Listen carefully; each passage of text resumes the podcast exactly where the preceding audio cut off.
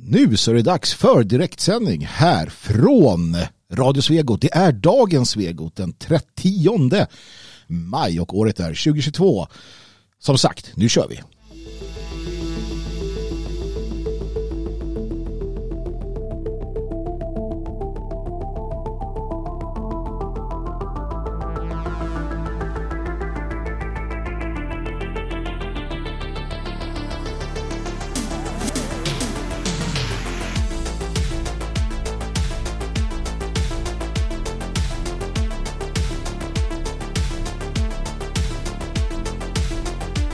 Och vi tänker att eh, vi spelar lite fin musik här medan ni kommer till rätta och sätter igång era maskiner och pluggar in era högtalare och dricker ert kaffe, sörplar i er latte eller vad det kan tänkas vara.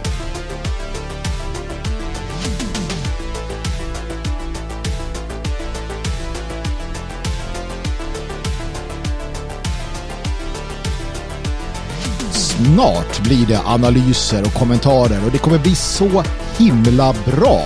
Vilken tur att du lyssnar.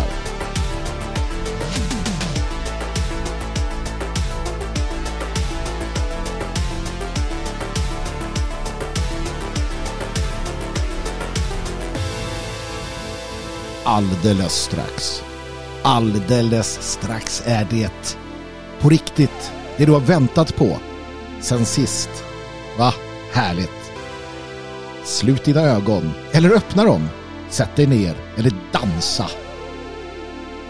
Svegot. Dagens Svegot. Färsk. Pressad Svegot. Kan inte bli bättre.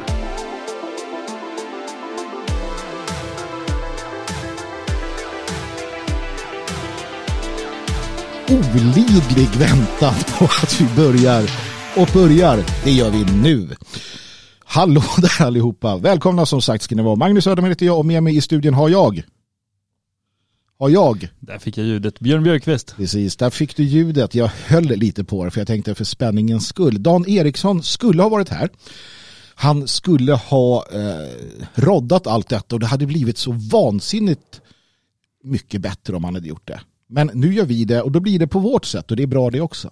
Ja, vi har inget att välja på. Nej, det har vi inte. Dan är lite sjuk förstår ni. Han har drabbats av någon form av eh, Sverigesjuka.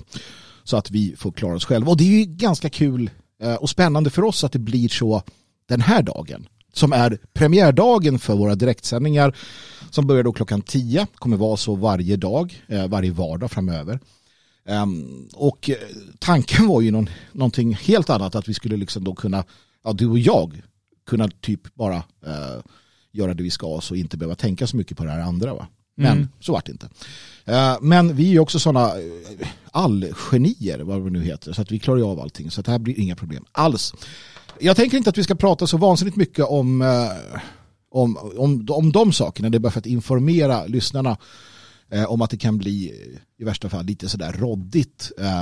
Utan jag tänker att vi ska i princip hoppa på kött och potatis på en gång. Det vill säga prata lite om de ämnen som har varit. Jag tänker att innan vi går in på det vi har bestämt oss att prata om så gör vi så här att vi går in på eh, en sån här sajt som samlar rubriker. Så bara tittar vi, vad är det absolut senaste nytt? Och känner vi att vi vill prata om något av det, men då tar vi det direkt. Eh, och det handlar om att HD beviljar resning i fallet om Malin Lindström. Eh, ett gammalt mord. Har du någonting på det? Nej. Nej. Det är om den ryska invasionen, jag vet inte. Det, det, det fortsätter med oförminskad styrka känns det som. Ja, det finns ju alltid massa saker att säga men inte... Nej, vi tar Nej, det en annan gång. Precis, jag, jag, jag läste någonstans att Putin skulle varit döende cancer och sådär men det, det, vet vi inte. Eh, lite om Kina här känner jag inte heller. vi har World Economic Forum, det var ju det i Davos här nyligen. Hade du någon koll på det? Nej. De byggde kulisser, det var det som fastnade för mig. Man, ja, det, var, det är egentligen det enda som har blivit eh, omtalat. Precis, ja. och det är väl kanske inte så konstigt att man gör det. Jag vet icke där. Nej men det var inte så värst mycket där. Vi har ju det här som vi tittade på om att eh, Socialdemokraterna kanske vill göra så med flerbarnstillägget. Mm. Um, och uh, det kände vi att det vill vi läsa på lite om. Så att det tar vi inte upp idag utan det kanske kommer imorgon. Um, det är intressant utan tvekan. Ja, det är det. Och det ja, jag håller på, på kommentarerna ja, där. Ja, gör det. det. Håll det på finns, karamellen. Så det finns som, ganska mycket att säga där om. Precis, och ni som lyssnar vet alltså att imorgon med största sannolikhet så kommer vi, eh, kommer vi ta itu med den här, det här flerbarnstillägget som då eh, förhoppningsvis tycker vissa, eller bu tycker andra, eh, och kanske avskaffas då vad det lider. Eh, men vi ska hoppa på och prata om det som har varit en snackis i åtminstone sociala medier och eh, lite annorstädes på eh, alternativ media och det är Ivar Arpi. Ivar Arpi har igen stuckit ut sin haka och sagt eh, sånt som, nu kanske jag låter lite bitter, sånt som andra har sagt i 30 års tid. Men inte fått samma så att säga eh, respons eller återkoppling. Men när han gör det så blir det lite mer storm i vattenglaset. Och det han har skrivit om på sin Substack heter det va? är att han konstaterar eh, den demografiska eh, den demografiska förändringen som sker. Eh, och framför allt så pratar han om alltså den demografiska eh, det, det handlar om folkutbytet. Det handlar om att vi får en, en import av främlingar vi föder inte så många barn själva och det här gäller Sverige och Europa. Vilket betyder rent matematiskt att de tränger ut oss. Och det här är enligt vänstern en konspirationsteori. Mm. Uh, trots att det är fakta. Kan, kan, du bara förstå hur det kan, hur, man, hur kommer man fram till det från deras håll? Kan du förstå logiken på något sätt? Ja, det har ju inte, det har inte varit en konspirationsteori särskilt länge utan det har ju blivit det på senare, för något år sedan. Ja. När Expo bestämde sig för att det här är en konspirationsteori. Och sen har man stenhårt kört på det varje gång man omnämner att, att eh, folkutbyte har nämnts så skriver man alltid konspirationsteorin och så länkar man till sin podd där man, eh, så man fick stöd från svenska staten och skattebetalare för att spela in. Det. Eh, det. kostar tydligen väldigt, väldigt mycket för de människorna att samlas runt ett bord så som vi har gjort här nu. Ja. Eh, och eh, konspiration, alltså det som gör att det är en konspiration går ju då ut på att det kan inte hända. Det svenska folket kan inte bytas ut. För när det kommer människor hit så blir de svenska medborgare och därmed svenskar och därmed så det finns inget att byta ut för det fylls på. Just det. Så det är snarare en folkpåfyllnad än ett folkutbyte mm. enligt deras eh, retorik då. Alltså att oavsett om man kommer från Somalia eller någon annanstans så blir man svensk när man hamnar här. Mm. Och, och, det är en logik i sig naturligtvis, även om den är falsk eller felaktig. För det är, den är kontrafaktisk. Men det är väl det man, man någonstans uh, utgår ifrån. Och det är väl Expo är väl de som är tydligast i det kanske. Men för att Arpi tar ju upp liksom hur vänstern i USA agerar och, och han, ja även vänstern i Sverige. Och han, och med vänstern menar vi också den här liberala uh, av, avarten, liksom, eller vänsterliberalismen. Så. Um, alltså han tar upp Moa Berglöf till exempel, då, Reinfeldts talskrivare. Talskriverska, hur säger man? Det måste vara talskriverska. Ja, talskrivare heter det väl. Men jag vill påpeka genus. Ja. Jag vill trycka på könet. Ja. Vad skrattar du åt? Ja, nej, men det låter lätt obehagligt. Som bara den. Uh, och, och uh, där menar han ju då på att hur hon har liksom formulerat sig mm. så är det som så att när hon eller hennes gelikar talar om folkutbyte eller det faktum att oj vad många det blir, snart är vi en minoritet eller vad det kan vara. Um, kanske inte hon har sagt det på det sättet, men i USA har vi många exempel på, på liberaler och, och vänster, alltså vänsterliberaler som skriver att åh äntligen eh, äntligen svänger liksom eh, eh, demografin. Snart är vita en minoritet. Denna vidriga liksom, spillra eh, utav människor som förtrycker och hatar och, och, och, förstör. Snart är vita en minoritet. Joe Biden har ju konstaterat det. Alltså han är ju, han är ju bara president i USA. Mm. Att liksom, sådana som jag, vita anglosaxiska gubbar, det är liksom snart ett minne blott och så. Alla, alla applåderar detta och tycker det är så himla fint. Ja men där är man ju också överens om att det ändå pågår någon form av förändring. Ja. Eh, vilket man ju bara förnekar i Sverige. Ja men det är ju samma där problemet blir ju att när någon eh, då i USA säger att jo fast det här är ju inget bra. Så förvisso förnekas det inte att det inte sker men då menar man ju på att när vi, alltså så här, it's okay when we say it. För när vita säger det, då är det en konspiration. Då är det att, att eh, liksom det, det är våldsbejakande till och med. Vi, hade, vi har haft en del, eh, det har ju varit sådana här eh, vansinnesdåd där, där man har hänvisat till idén om, om den här, det här folket, the great replacement theory som det kallas. Mm. Och att i, det, i den kontexten blir det då fullständigt eh, felaktigt menar de och farligt till och med. Och, och det ser vi då i, i, i, efter, efter att eh, Arpe har skrivit den här eh, texten då så, så skriver eh, hon kallar sig liberal freakshow Eh, säger väl allt om den självbilden då. Eh, och det är väl då Moa Berglöva som säger att min uppfattning är att de som sprider konspirationsteorin om folkutbyte skapar en grogrund för sådana här dåd. Och dådet, i, eh, i dådet man åsyftade då Peyton Gendron eh, som ställde till med ett massmord här. Um, och, och Arpi påpekar också att en sån som eh, han nämner också Anton Lundin Pettersson, skoldådet 2014. Va? Så, Moa Berglöf vill ha in, och det har hon liksom pratat om och skrivit om. Eh, det ska vara massinvandring och det är jättebra, eh, jättebra för eh, ehm, tillväxten och ekonomin. Hon har på olika sätt och vis uttryckt detta och så blir hon ändå till exempel så har hon då skrivit här, vi kan titta på det, i den här för något som heter Liberala nyhetsbyrån har hon skrivit att Den ljusnande framtid är vår. Där hon pratar om att uh, just hur mångfalden och att det som kommer till Sverige att det här är så bra och att man får sån fördel av massinvandring och mångkultur. Um, så för henne är ju folkutbytet som pågår, vilket är ett faktum, det är någonting hon då tycker är bra. Mm. Eh, men ändå när Arpi säger att det pågår så är det till grund för terrordåd och, och skolskjutningar. Ja, ja, det, ja precis. Och det, bara det att han påpekar att det äger rum.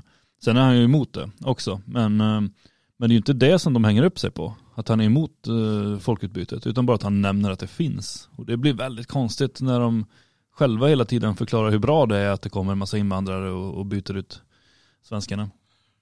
Och extra jobbigt blir det när Moa då gör allt hon kan för att hennes dotter ska gå i en hel svensk skola. Ja, jo men det är, det är mycket sånt, för hon tillhör den här lilla, lilla gruppen som fortfarande så intensivt, det är ju hon och Fredrik Reinfeldt i princip kvar som mm. verkligen stödjer den gamla moderata linjen medan resten av ja, såväl moderater som, som eh, liberaler har mm. gått vidare och sagt att ja, men nu, nu fattar vi att det här blir ju inga röster.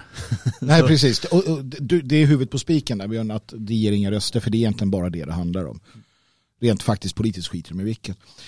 Men Arpi då, om vi bara tar en liten sväng om med honom också. Jag, jag uppskattar ju en hel del av det han gör. Ja, han, han, har, han har kommit en bit på vägen, grabben. Mm. Uh, och uh, han, han någonstans, vi, vi har röjt väg i så många år. Så att, uh, och vi, vi har röjt väg och, och varit de oanständiga. Mm. Vilket gör att han nu som anständig kan komma fram och liksom säga lite mer. Uh, vilket i sin tur betyder att andra anständiga uh, vågar säga att jag sympatiserar inte med en sån där som Magnus Söderman och Björn Björkqvist. De är ju nazister och rasister. Men jag, jag, kan säga att jag sympatiserar med en sån här Eh, fantastiskt verbal och intelligent och välklädd och, och ja, men du vet, etablerad eh, man som Ivar Arpi. Fast mm. vi säger samma saker. Och det är okej. Okay. Ni kanske tycker att ni hör ett, en, en ton av bitterhet här. Och det stämmer. men icke förty så, så menar jag ändå att, att det är bra.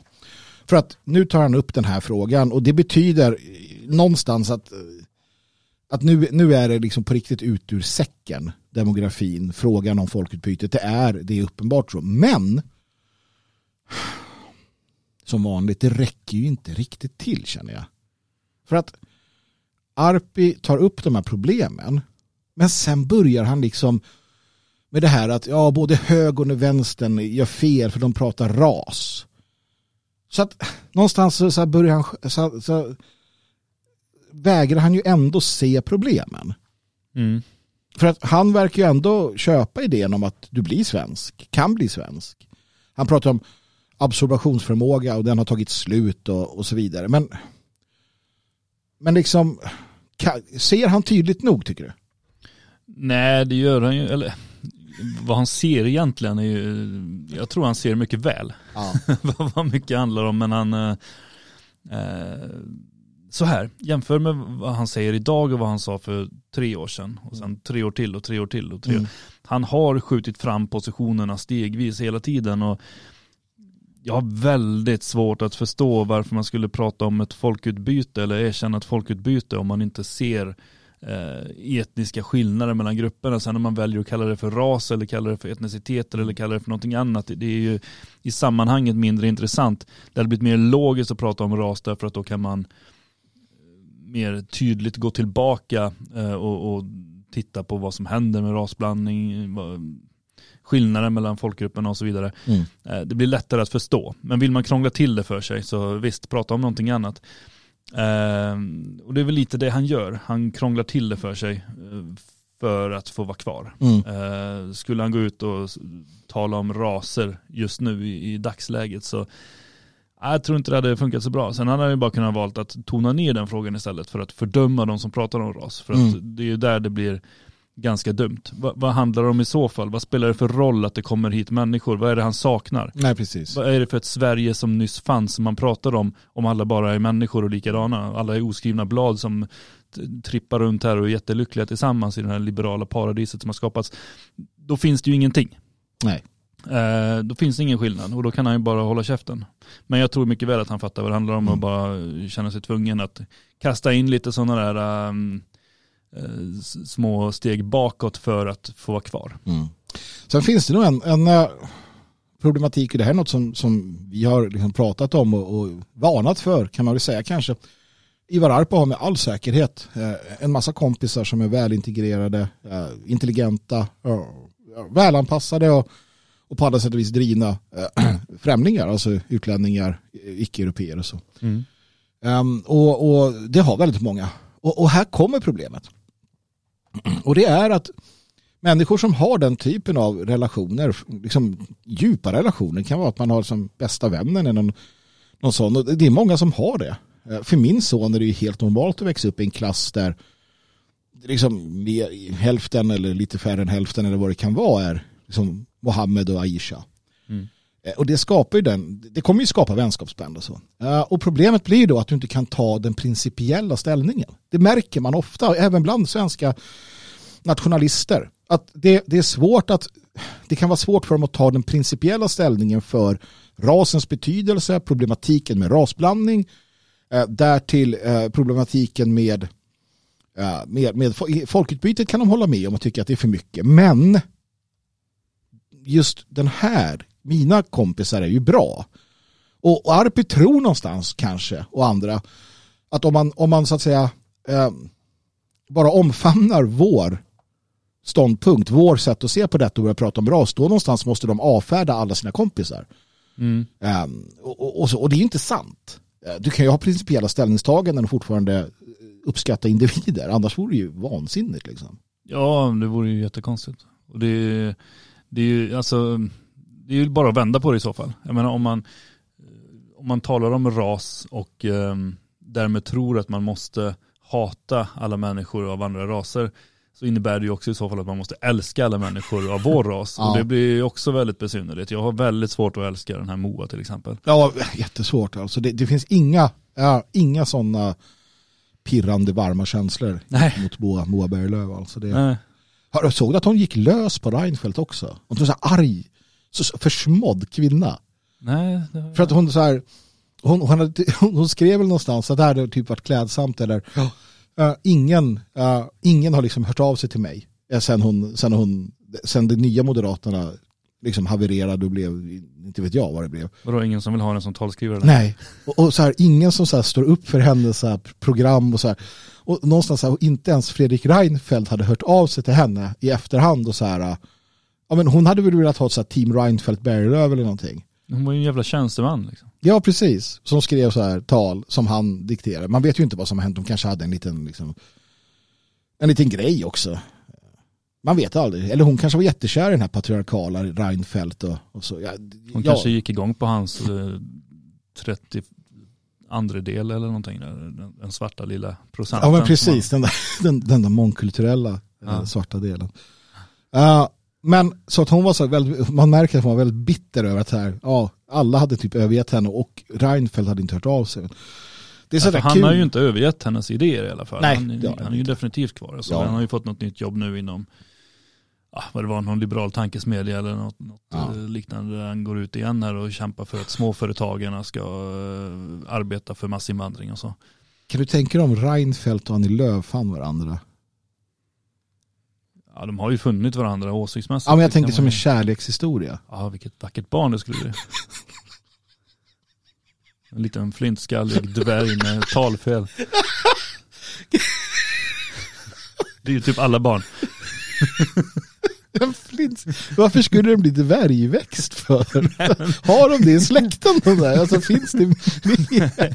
Är de jättekorta? Alltså, Reinfeldt kan bli, han är lång som fan. Ja, men en mental dvärg. Jag körde nämligen äh, sådana här äh, jag körde post en gång i tiden och då körde jag till regeringskansliet bland annat. De släppte in mig där, det gjorde de. Inga tokigheter in under in i kulvertarna sådär. Så, så, så, så Du kommer man, ändå med skåpbil. ja en stor lastbil, en, det är så full stor lastbil, inte 3,5 tonner utan en större. Och de tittar inte i den. Nej, alltså man åkte in och så hälsade man på vakten och sen så hissade man ner och gjorde sitt liksom. Mm. Fantastiskt trevliga människor där som jobbade. Ja, speciellt de här som arkiverar allt.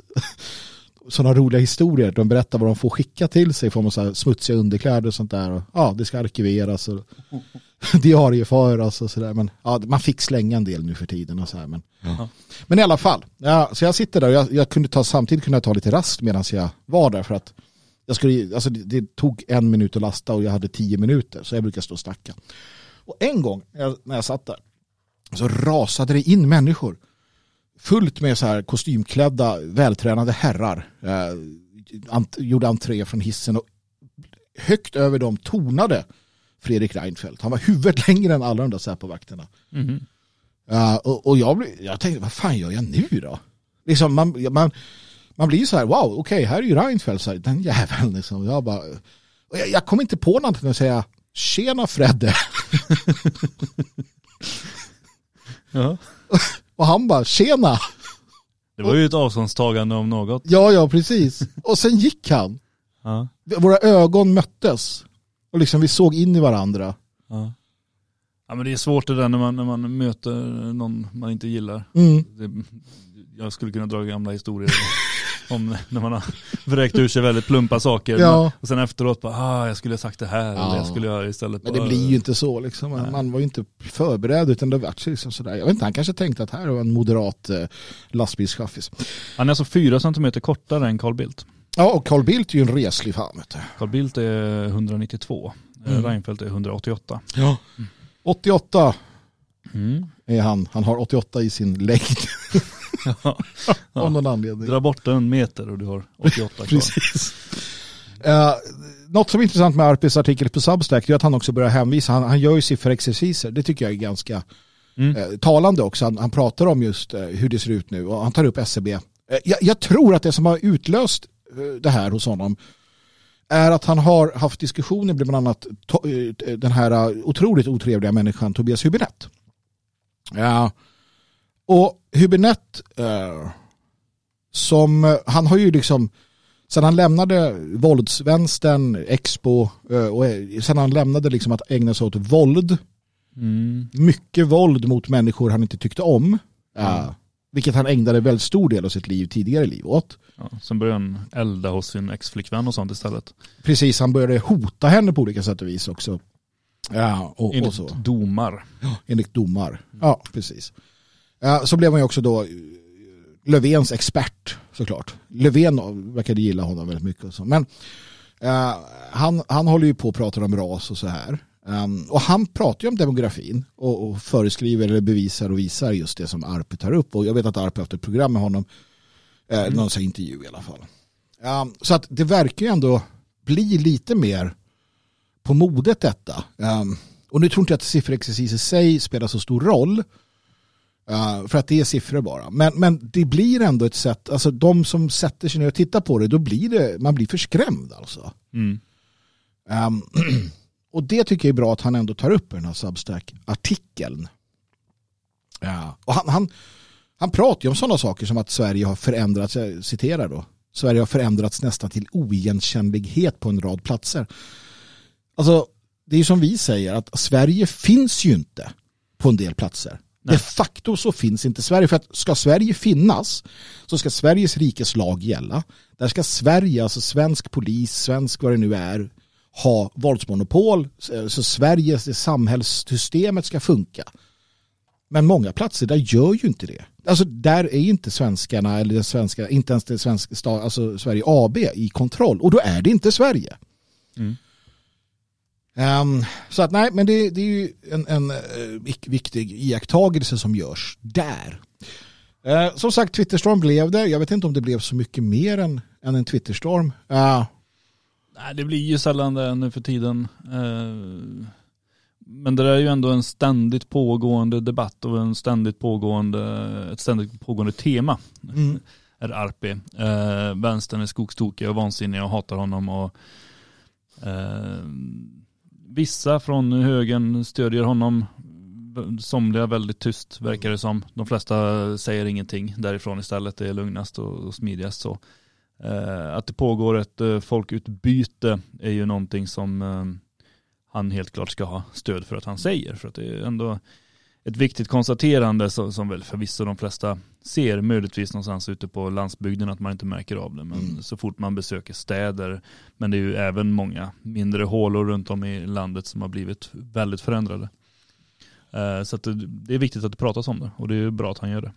Vad, vad tror du om det här? Jag ser ett problem med det här också såklart. Så är jag.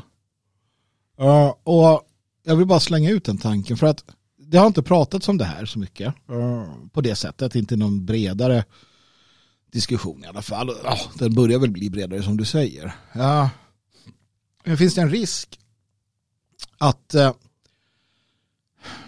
för det finns liksom någon sån här tes jag har att man, man älskar att prata om problem för att man tror att själva pratandet löser problem. Alltså att, att att samtalet i sig löser, alltså att, att lösa ett problem, då måste man ju lösa problemet. Det räcker ju inte att prata om problemet.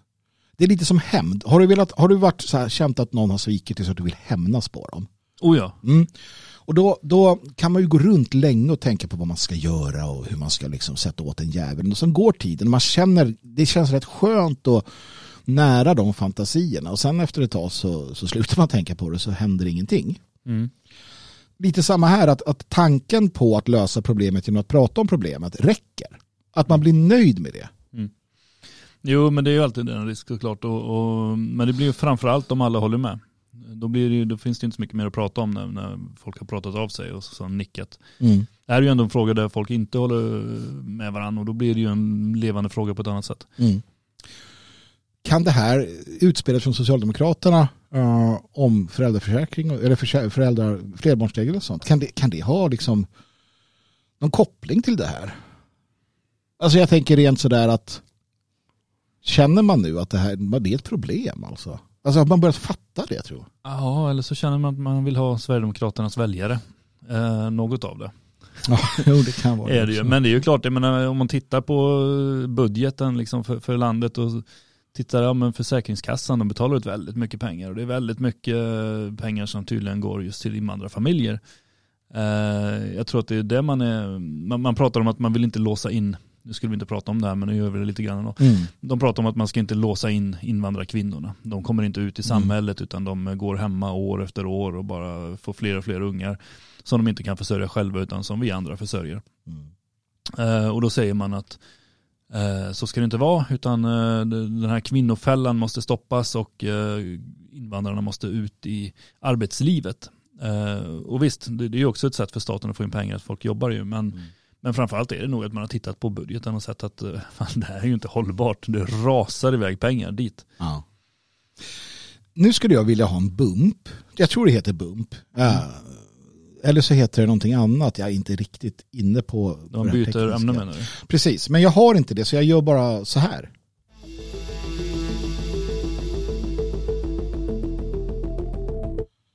Och jag tänkte att vi skulle prata om... Proffsigt. Visst? jag kunde ha sänkt Jag volymen. vet, jag tänkte men jag säga bara, det förra gången. Ja. Men, eh, ja. eh, ja. Jag tror inte man ska göra en så stor grej av det här med bump heller som vi gör nu. Nej, men alltså det här är Både Före lite, och efter. jag känner ändå att det här är inför premiären programmet lite grann. Ja. Ja, och, och jag tycker ändå att det är viktigt för transparensen att prata om det här. Och det är lite roligt också. Nu blev det läskigt, eh, Björn Björkqvist. Jag blev rädd. ja, det är någon som stirrar på oss. Det är någon som stirrar på oss från skärmen här som vi tittar på. Det är ett par ögon, eh, två blågråa ögon och eh, en, en galen blick eh, och en arg mun som är som ett streck i detta ansikte som är fult. Eh, ja men alltså vadå, jag tycker det. Ja, ja, men det, Hade hon varit snygg hade jag ju sagt det. Ja, ja, men det vet jag att du hade sagt. Ja, jag har inga, jag har inga spärrar. Nej. Nej jag tänkte det, för det, det, det är ju så här man storebror ser dig när man såg de där ögonen, men det är ju snarare någon sån här eh, otäck tjatmoster. Ja, en. elak, det är, Ja. det är alltså en elak, en elak tjat, inte Just det, den sur. nej, just det, on- onda stuvmamman Ja, i alla disney Precis, som så här, typ sticker dig med nålar Ja, och vill helst din undergång. så tar ut den i skogen och, och så man hittar någon Lämnar häxa den där. där. Ja, Ja. I ett pepparkakshus. Precis, och säger följ godiset tjockis. Ja, Han bara okej. det här behöver du inte säga. Vi pratar om Märta Stenevi. Och ja, jag brukar tänka att de som hotar, Mm. det här var någonting jag lärde mig på tv när, jag kommer inte ihåg vad det var, men det var, det var någon som sa det så här att han, han företrädde, jag vet inte om det var i mc-världen, men då, då så här, ja men ni håller på att hota människor och hur det här hot hit och hit. Och då sa han något stil med att ja men, ja, alltså den som hotar, det, det ska man liksom inte bry sig så mycket om. För att hot är en sak och de som gör något, de gör något. Liksom. Eh, och, och jag håller lite grann med, det är många som hotar. Det hotas väldigt mycket. Alltså, jag ska minsann, så händer ingenting. Nej, så är det ju. Men ibland, då träffar man på människor. Så man liksom ser på dem att om de hotar så menar de allvar. Mm. Jag tittar på henne nu. Jag inser att om Märta Stenevi hotar, det är hon beredd att genomföra det. Antingen på egen hand eller genom våldsmonopolet som staten har. Mm. Och nu hotar hon. Miljöpartiet och Märta Stenevi hotar svenska folket. Man hotar svenska folket offentligt. Eh, och man gör det på ett sätt som, som faktiskt är eh, eh, väldigt, väldigt eh, obehagligt. man twittrar då från Miljöpartiet den 28 maj 2022. Vi ska ta samtalen med varenda väljare som vill prata med oss. För att alla ska förstå det vi redan vet. Att vi bara har en jord. Att tiden är knapp. Att vi måste göra allt vi kan nu. Det finns bara ett miljöparti.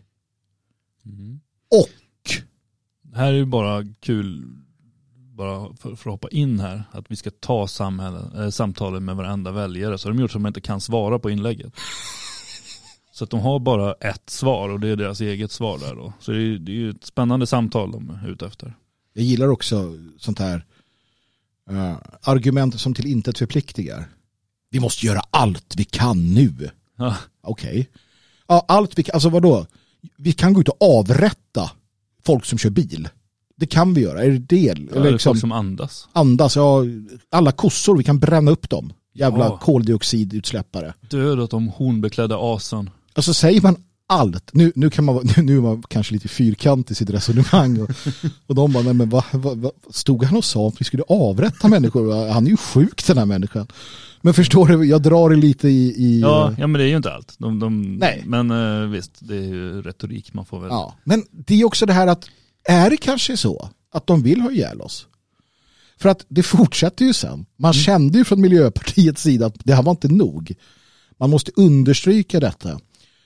Och då skriver man och vi ska in i alla rum där beslut fattas och göra kaos med alla som tänker stå i vägen för klimaträttvisa.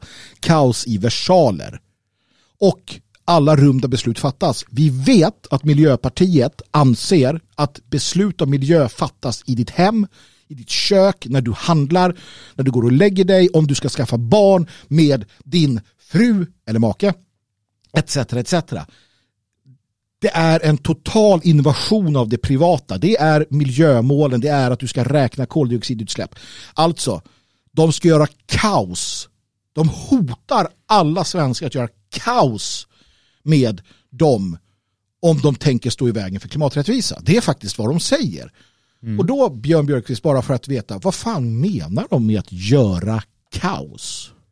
Jag, jag, vet inte egentligen. Alltså när jag hör uttrycket då tänker man ju på, alltså kommer inte uttrycket ifrån den här laser, eller laserturken? Han som ska skära din tung. Ja, han som ska eh, bara ta alla med hans efternamn, jag ska skära hans tung, jag ska göra kaos med han. Just det. Eh, det är väl därifrån det kommer, mm. Eh, om jag har förstått det rätt. Och där var det ganska tydligt att han, han åkte runt med en bil som han hävdade att skuffen var full med olika vapen. Så ja. att han skulle kunna plåga ihjäl den här um, misstänkta lasermannen då, lasermannen 2. Ja. Som härjade i Malmö för några år sedan. Uh, och där kan man väl kanske tänka att det kan vara befogat i det fallet då. Det åker runt någon och skjuter på invandrare och att invandrare känner att uh, vi, vi ska hämnas det. Mm. Uh, det. det. blir en sån rundgång för att den här lasermannen åkte också runt och hämnades på ja, precis, invandrare som hade begått brott. Men, sådär.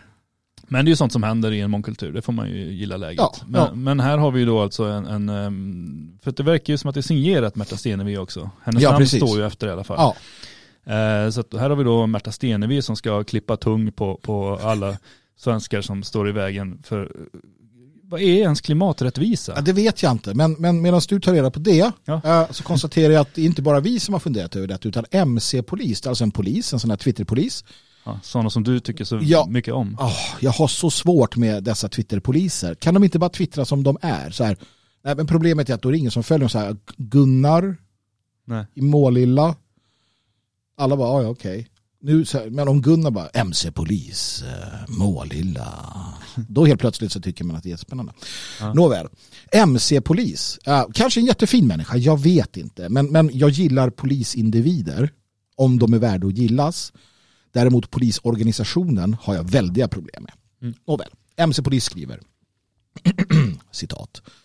Som polis vet jag mycket väl vad göra kaos med någon betyder. Frågan är om Miljöpartiet vet det. Vad är det för kaos man tänker sig att man ska göra med dem som inte håller med partiet? Kanske kan Märta Stenevi eller Bolund förtydliga. Och det har de inte gjort. Jag tycker att han ställer en fullt rimlig fråga. Att göra kaos med någon är blattelitiska för att du vet döda, skjuta, spränga, skära tång. Mm. Uh, och inte ta, ta efternamn. Ta efternamn. Uh, och så vidare och så vidare och så vidare. Uh, det är vad det betyder. Jag ska göra kaos med honom, mannen, Len, brorsa, Shabba, Jalla, du vet. Och det är vad Marta Stenevi ska göra med oss. Och de kan inte ens gå och säga att de inte menade det. Så att, ska vi utgå ifrån att de vill bruka våld mot oss? Jag tror ju inte det. du känner inte Nej, att miljöpartistiska gröngardister kommer att marschera. Nej, alltså det, jag känner, det är väl lite grann som när, när uh, Ultima Thule angrips av en journalist som bara Ni säger alltså att ni ska gå med svärd emot etablissemanget. Så bara, ja, ja uh, det, jag vet inte, jag tror väl att de lite, de försöker använda ett lite häftigt språk. Men du ser inte... Och sen behärskar de inte riktigt det för att de är ju så här, vet, de bor så här i, vita områden med sina vita journalistkollegor. Typ alla jobbar på Sveriges Television. Och så försöker de liksom rikta sig ut till eh, vad de tror att ungdomen använder för uttryck. Göra kaos är väl ingenting som eh, någon egentligen använder förutom någon liten begränsad krets eh, invandrare. Andra använder väl lite på skoj sådär. Men mm. Eh, så jag, jag, tror att de är väl bara, de försöker vara häftiga och det misslyckas. Men när Marta Stenevi då förklarade i riksdagen för en tid sedan, jag minns inte när det var, men att hon, att hon minsann tillhör en klan. Är det inte, alltså... Eh, tar hon inte lite för många steg mot det här kaos, eh, liksom kaosförortstänket? Hur, hur, hur går tankarna i, mellan öronen på Märta Stenevi egentligen? De går där hemma i, i inte vet jag var hon bor, i någon hobbithåla eller vad det, hon har liksom styrt upp för sig själv. Ja. Jag blir lite orolig ändå att, att det kommer gröngardister i framtiden som ska liksom göra kaos med oss. Ja, alltså ingenting är ju omöjligt. Anförd av. Det var, Vem var det? Var det Det var inte Alice Bah Kuhnke va, utan det var väl eh, någon annan där av EU-parlamentarikerna som, ja det var väl han äh, vädergubben, metro, vad heter det, meteorolog, metronom. Meteorolog. Metronom. Grattis alla meteorologer, ni som har gått många år för att lära er detta. Ni är vädergubbar. Ja. Vädergubben, vädergumman. Han i alla fall ja. önskade väl eh, en diktatur. Just det. En klimatdiktatur, eller det var något sånt där. Ja, för att uh, människor kommer inte klara det här på egen hand. Just det. Uh, så att uh, visst, jag tror det finns ganska många tankar hos många av de här människorna. den här klimatrörelsen eller miljörörelsen har förändrats ganska mycket från mm. 70-talets hippie-trender till dagens ganska auktoritära, väldigt hatiska retorik och som även på något sätt har blandats ihop med att vi ska ha massinvandring, vi ska flytta människor från Afrika till Europa och massa sånt där ihop med då eh, att, att alla vita ska skämmas över eh, det samhälle de har byggt upp. Mm. Uh, klimaträttvisa, vad, har vi kommit någon vart på vägen här? Har vi någon aning om vad det kan tänka Nej, för jag har öppnat massa länkar än så länge där, de pratar om klimaträttvisa men inte berättar vad det är. Nu kan jag ha hittat här. Mm. Uh, det är alltså riksdagen, en motion från Vänsterpartiet uh, någon gång. Där det står Vänsterpartiet strävar efter klimaträttvisa. Med det menar vi eh, att vi tittar specifikt på klimatförändringarna utifrån ett rättviseperspektiv och på vem som påverkar respektive drabbas av klimatförändringarna. Mm. Det alltså handlar om att alla ska drabbas lika mycket kanske? Just det. Jag vet inte. Ja, men det, för det är lite ändå, de är ju vänster och gröna då och sådär ja. ja. Situationen i världen idag kan betecknas som djupt orättvis utifrån ett klimaträttviseperspektiv. Mm. Kapitalismen fördelar jordens resurser extremt orättvist, eh, ojämlikt. Mellan klasser, mellan rika och fattiga länder och i samspel mellan patriarkala strukturer mellan kvinnor och män. Så att eh, klimat, klimaträttvisa är att eh, alla ska drabbas lika mycket. Mm ja, ja, det känns ju någonstans som att man, ja, men du vet, man, man, tar, man tar ett ord mm. som man har använt många gånger och sen bara slänger man klimat framför det. Ja. Klimatförnekande. Mm. Det är ju eh, också det är ett nonsensord. Men det här är det, de, de går ju igång på nonsensord och det är ju propaganda. Man måste förstå det. Man, man kan inte heller bara göra sig lust över det för att alltså, det kan man såklart göra. Men man måste också förstå att det här är en del av ett nyspråk som, som får effekt över tid. Um, och kanske är, vi lite, kanske är vi lite avundsjuka på att deras sätter sig um, ganska bra. För att ta bara det här, och jag, jag blir förvånad varje gång det händer.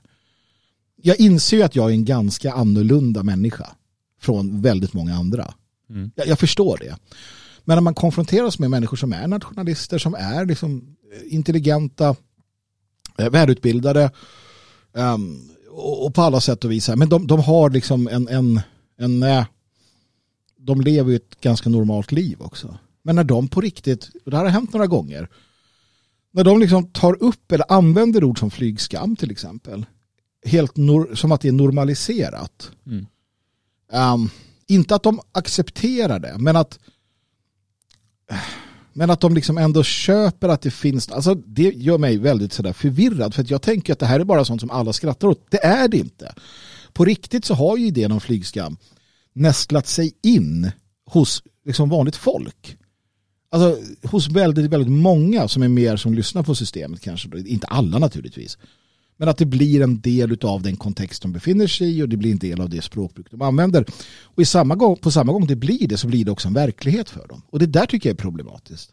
Mm. Nej, jag håller med. Det, det, um, ord har en enorm inverkan på hur man tänker. Ja. Och, uh, det är samma som man ser inom uh, rasfrågan som vi var inne och pratade om tidigare där. Att om man förnekar, alltså man säger att det finns inte raser. Man förbjuder vissa ord för, för olika raser som finns, då blir det väldigt svårt att prata om dem också. Och mm, det är ju ett sätt att uh, gå in i folks hjärnor och peta och greja och för, till slut försöka få dem att tro verkligen på att uh, det finns inga skillnader. Mm. Och samma sak här naturligtvis, att folk ska må lite dåligt om de tar flygplanet någonstans. Uh, det, det, det, ska man undvika in i det sista samtidigt som politikerna själva flyger omkring hejvilt och inte alls mår dåligt av det. Mm. För de, de, måste ju, de har ju viktiga ärenden. Ja, precis. 1500 privatjet åkte till Davos. Mm. Den var fin. Eh, nåväl, eh, klanmedlemmen och eh, numera då eh, den våldsbejakande partiledaren eller då språkröret Märta Stenevi hotar eh, gemene svensk att göra kaos med dem. Det finns ju någon liten sån här förhoppning om att, att Märta försöker sådär på tu man hand göra Ja, kaos. hon är välkommen hit. Ja, komma och göra kaos. Dock känner jag att jag ställer mig kanske bakom Josef till en början och ser vad som händer. För att hon är läskig. Titta på den här bilden igen va. Ja, hon kanske rivs. Ja, det, ja, rivs och bits. Ja. Och du vet, skriker hjälp. ja. Det är inte kul, det är inte. Hörrni, jag ser att eh, vår vän, ordförande och eh, eh, eviga ledare Dan Eriksson har försökt att instruera oss eh, lite grann här över en chatt. Jag såg nu att det fanns en chatt här nämligen. Eh, och han, han påpekade då för mig, och nu tar vi det som ett redaktionsmöte live, att det fanns bumpers då på in, inlagt någonstans. Det här löser vi till nästa gång vi får sända Prova den nu, i mitten Ska jag göra det? höger. Ja. Jag tar den där, men tänk Ja. om det är något helt bisarrt. Då stoppar vi den. Varför skulle det vara det förresten? Nej. Där är den. Där har vi en. Ja. Hade du kunnat använda den istället? Gjorde jag inte. Hörni allihopa, eh, vi har pratat på i 45 minuter. Jag tänker att vi ska ge oss nu. Eh, inte för mycket av det goda. Jag vill att ni ska få ett beroende så att ni kommer tillbaka imorgon. 10.00 sänder vi live igen. Eh, fram tills dess så, så blir du eh, sån här prenumerant va? På uh, Svego. Tycker jag vore en bra idé. Stödprenumerant för då hjälper det oss att kunna fortsätta med det här dag ut och dag in. Och då kan man också lyssna på det här jämt. Det är ju svårt att eh, kanske passa in klockan tio varje dag om man jobbar eller har ett liv på något annat sätt. Precis, precis. Så ehm, bli prenumerant så kan du alltid lyssna på de här programmen. Ja. Kan du göra, du kan lyssna på dem om och om igen också då. Om du lyssnar, alltså om du vill då. Jag vill gå tillbaks så här, om en månad när eh, Miljöpartiet har genomfört sitt första stora attentat. Ja, Då kan du bara, vad var det de sa? precis, då vet vi. Eh, Du går in på svegot.se, där så följer du instruktionerna. Eh, Du går också in naturligtvis när du har gjort det på detfriasverige.se och så följer du instruktionerna där och blir medlem i denna underbara, fantastiska, stora familj. Jag väljer familj och inte klan. Det är sånt där som Märta Stenevi håller på med. Klaner. Ja. Eh, Där vi eh, skapar och bygger en bättre framtid för varandra och våra barn och barnbarn. Med det, kära vänner, eh, så har inte jag något mer att säga. Jag vet att du har en del eh, att lätta från ditt hjärta, förläggaren. Varsågod. Ja, när det är så att ikväll så ska vi ehm, prova att ha lite live-aktioner. Vi har ehm, tidigare haft aktioner en period här nu på Stenbockens aktioner på Telegram heter det. Eh, och nu ska vi prova att sända live. Så att eh, skaffa Telegram-appen och eh, sök upp Stenbockens aktioner. Vi kommer även länka det från Logiks kanal och sådär. Så kommer jag och Josef synas i bild och visa upp spännande produkter och auktionera ut och förhoppningsvis så blir det en succé. Jag tror att vi kommer ha jätteroligt och det är väldigt spännande produkter som vi kommer att saluföra både från eh, väldigt, ja vad ska man säga, 20, 30, 40-tal Mm. och även eh, in på 90-talet. Så att det är olika produkter från den nationella rörelsen eh, som kommer att säljas ut och eh, förhoppningsvis så är du med och köper Stenbockens aktioner på Telegram. Gud vad spännande. Logik.se, förlaget för dig som vill läsa bra litteratur. Allting är godkänt och korsstämplat av Björn Björkqvist. Han ser lite tveksam ut. Han tycker att jag tog i lite för mycket. Uh, hörni, tack så mycket för att ni lyssnade och på återhörande igen i uh, morgon.